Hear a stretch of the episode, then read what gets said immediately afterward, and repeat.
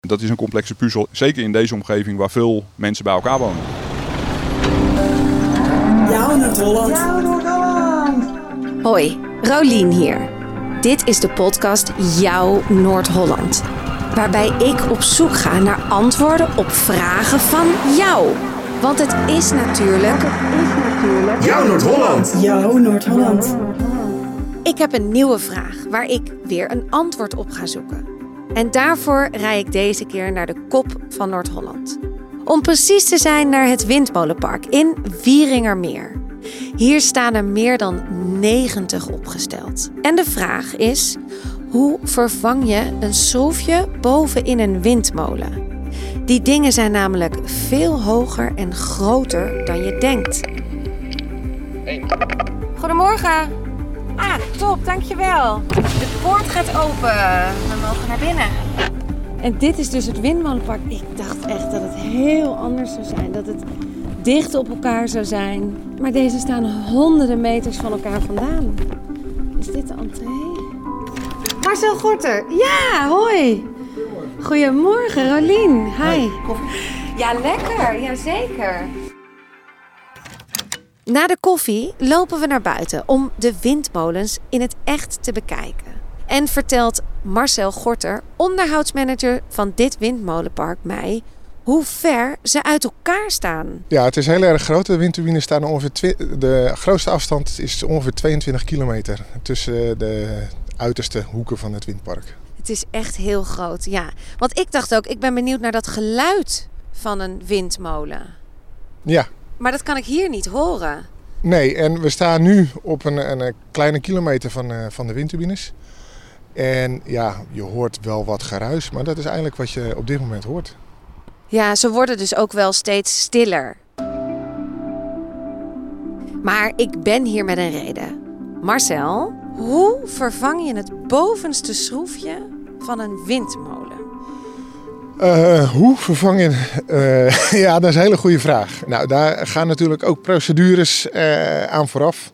Het is niet zomaar van, weet je wat, ik heb hier een schroefje of een boutje wat vervangen moet worden. Weet je wat, die wissel ik even. Er zijn allerlei procedures die eraan gekoppeld zijn. Welk schroefje heb je nodig? Wat voor kwaliteit? wat voor eh, aandraaimoment bijvoorbeeld? Hoeveel, hoeveel kracht moet je op de schroefje zetten om dus ervoor te zorgen dat hij ook vast blijft zitten? Enzovoorts, enzovoorts. En dat kan in de gondel zijn, dat kan bovenop eh, op het dak zijn bij de radiator. Daar hebben we natuurlijk eh, eh, op het dak de radiator staan met nog een, een, een luchtvaartverlichting, met nog een, een, een meteostation. Dus ja, dat, en, en daar komen allerlei, allerlei procedures bij kijken om dat toch wel veilig te kunnen doen. Want Ja. veiligheid staat wel voorop hier. Ja, en het is dus niet zo makkelijk als dat ik dacht. Nee. Even naar boven. Nee, nee. Even eh, tijd, als je tijdtechnisch kijkt. Even een schroefje vervangen in een windturbine. Moet je rekenen dat je in, vanaf het vertrek vanaf het servicegebouw tot aan een windturbine en weer terug. Moet je zomaar rekenen anderhalf tot twee uur. En hoe weten jullie of er nou een schroefje daarbovenin niet meer goed zit? Nou, de schroefjes die worden niet echt gemonitord natuurlijk, maar we hebben allerlei digitale systemen. Dat noemen we dan een SCADA-systeem. Dat is een systeem waarbij we dus op afstand de turbines kunnen monitoren en de prestaties kunnen monitoren, fouten kunnen monitoren. En afhankelijk van wat daaruit naar voren komt, ondernemen we actie. En als er paniek is in die lange buis, want hoe hoog is deze? 120 meter. Ashoogte oh, 118, dus eh, als je op het dak bent sta je op 120 meter hoogte. En als daar nou paniek is en je kan niet meer naar beneden, hoe, wat doe je dan? Daar hebben we ook eh, systemen voor. Eh, al onze jongens hebben een, een, eh, een harnas, een veiligheidsharnas. Met daaraan eh, verschillende lijnen, met karabijnen, met, een, wij noemen dat een slider. Dat is een geleider die over een rail gaat of in een rail gaat, die aan de ladder gemonteerd is. Dus dan kan je binnenlangs afdalen. En daarnaast is er nog een afdaalapparaat aanwezig eh, wat we op kunnen hangen. En dan kunnen we buitenom naar beneden afdalen. Dat gaat met een snelheid van ongeveer een meter per seconde.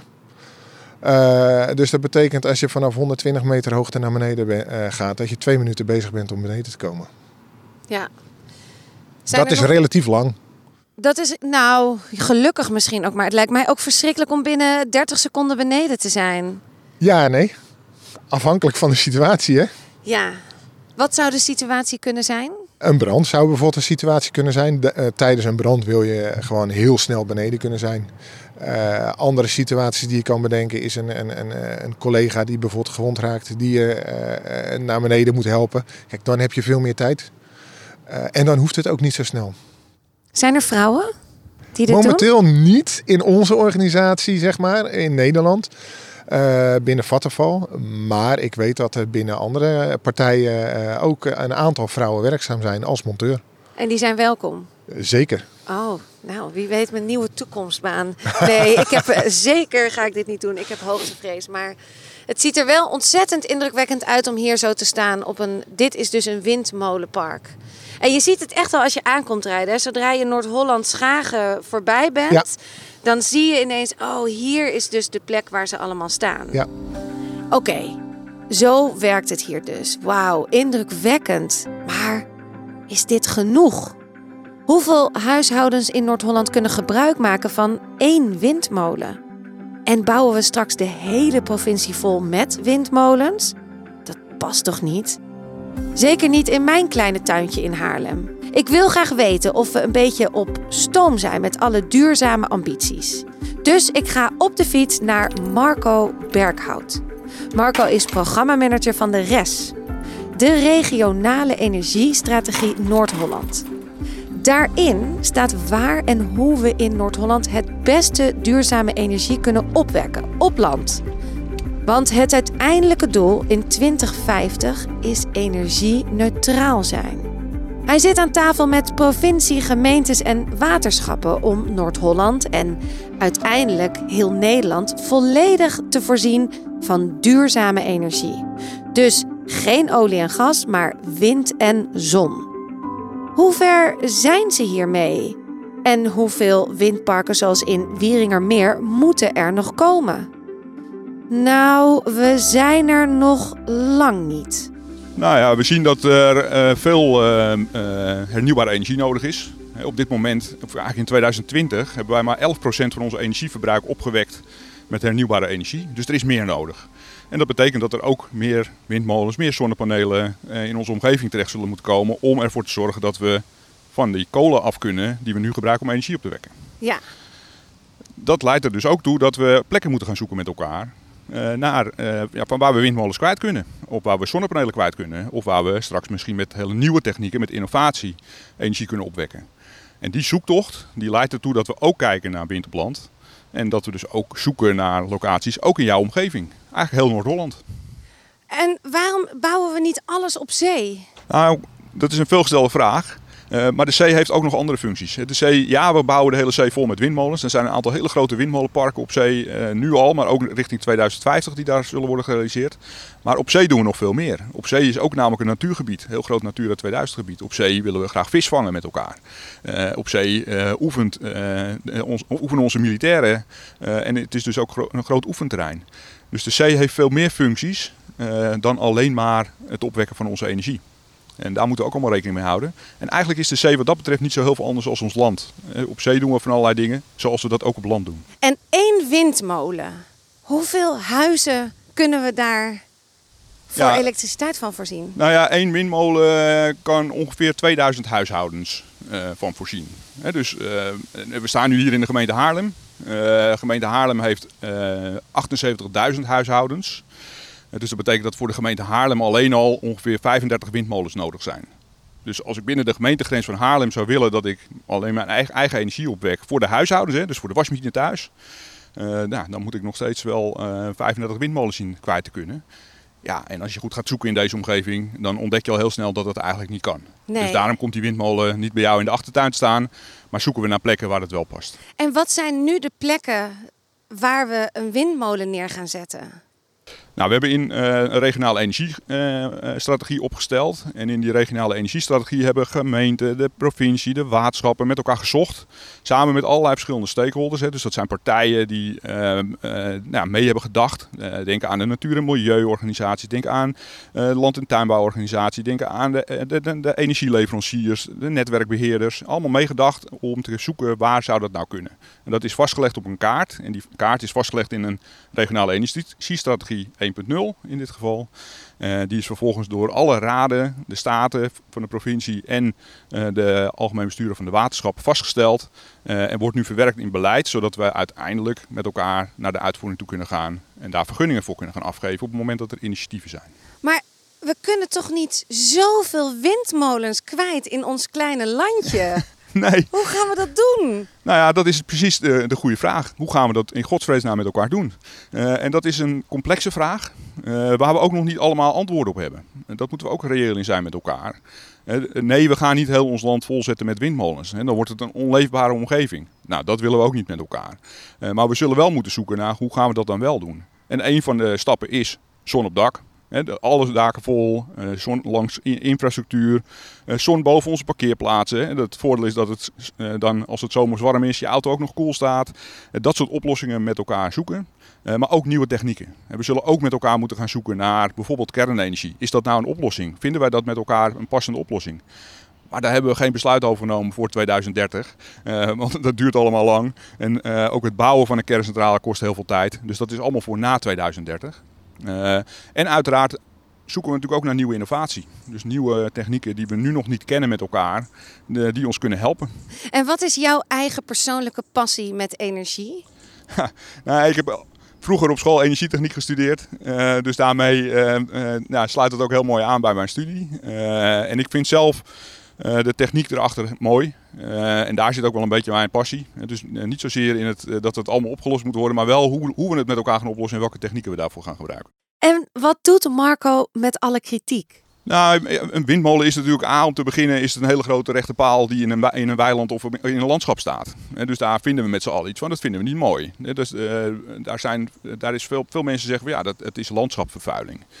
Uh, ik persoonlijk uh, kijk daar anders naar overigens. Hè. Ik, vind het, ik vind een windmolen niet per definitie lelijk. Uh, maar goed, ik vind een industriegebied ook niet per definitie lelijk, omdat ik daar toch op een andere manier naar kijk. dus daar zit, daar zit verschil van inzicht. Maar een windmolen kan als, ja, staat in het landschap, dat is één. Um, een windmolen maakt op de achtergrond geluid. En, en kan daarmee ja, geluidshinder veroorzaken. En geluidshinder kan leiden tot gezondheidsschade. Dus daar moeten we heel voorzichtig mee zijn. Dus niet te dicht bij de gebouwde omgeving en de juiste techniek toepassen. Want niet iedere windmolen maakt hetzelfde geluid. Dus kiezen de juiste windmolen uh, die geen of nauwelijks geluid maakt, uh, verdwijnt, en daarbij verdwijnt het geluid eigenlijk veel meer naar de achtergrond. Dus we horen nu het gesuis van de bomen bijvoorbeeld hier. als je een, windmolen met de juiste aandrijving hebt, dan valt eigenlijk dat geluid van die windmolen weg achter het gezuis van de wind. En een derde is nog de slagschaduw. Dat zien we ook vaak. De, toch, dus de positie van de windmolen ten opzichte van de bebouwing waar mensen wonen en leven en werken, moet ook goed gekozen worden. Dat geeft al aan hoe complex de puzzel is. Want we hebben dus, het is, moet in het landschap passen. We moeten ervoor zorgen dat het geen gezondheidsschade oplevert. Uh, en uiteindelijk moet er ook nog voor zorgen dat niemand er last van heeft. dus um, nou, dat is een complexe puzzel, in een, zeker in deze omgeving waar veel mensen bij elkaar wonen. Ja. ja, dus je hebt nog veel, er is nog veel werk te doen, maar het ziet er ook heel goed uit. Zeker, ja. Ik denk zeker dat we heel veel uh, kunnen oplossen. Maar zoals ik al zei, we kunnen nog niet alles oplossen. Omdat we nog niet alles weten, omdat we gewoon nog met elkaar dat pad in moeten. De energietransitie naar 2050 is nog 30 jaar. Dus we hoeven het niet vandaag op te lossen. We hebben wel wat tijd, maar we moeten wel stappen zetten. Jouw Noord-Holland. Conclusie. Het vervangen van een schroefje gaat dus niet heel makkelijk. Daar ben je wel even mee bezig. En er zijn hele procedures als je werkt als monteur. En ik kan niet zomaar naar boven, daar moet ik dan echt voor worden opgeleid. Ook ben ik blij met de duidelijke uitleg van Marco. Ik weet nu dat één windmolen energie geeft voor 2000 huishoudens. Maar ja, Nederland telt 7 miljoen huishoudens en dit gaat nog oplopen. Dus dat er meer windmolens geplaatst gaan worden, lijkt me logisch. En dat dat niet midden in de stad of direct naast je huis is, ja, lijkt me ook duidelijk. Maar het blijft een puzzel en een uitdaging om uiteindelijk in 2050 volledig energie-neutraal te zijn. Daarom ben ik blij dat we Marco hebben, die hier bijna elke dag mee bezig is. Dit was hem weer. Ik ga namelijk weer op zoek naar het antwoord van de volgende vraag. Maar vond je deze aflevering leuk of heb je iets geleerd, dan hoor ik dat graag. En vergeet je niet te abonneren. Een review of sterren in Apple Podcasts zijn welkom. Bedankt voor het luisteren en tot de volgende aflevering. En wil je meer weten over windmolens en de rest? Kijk op de site www.noord-holland.nl/podcast.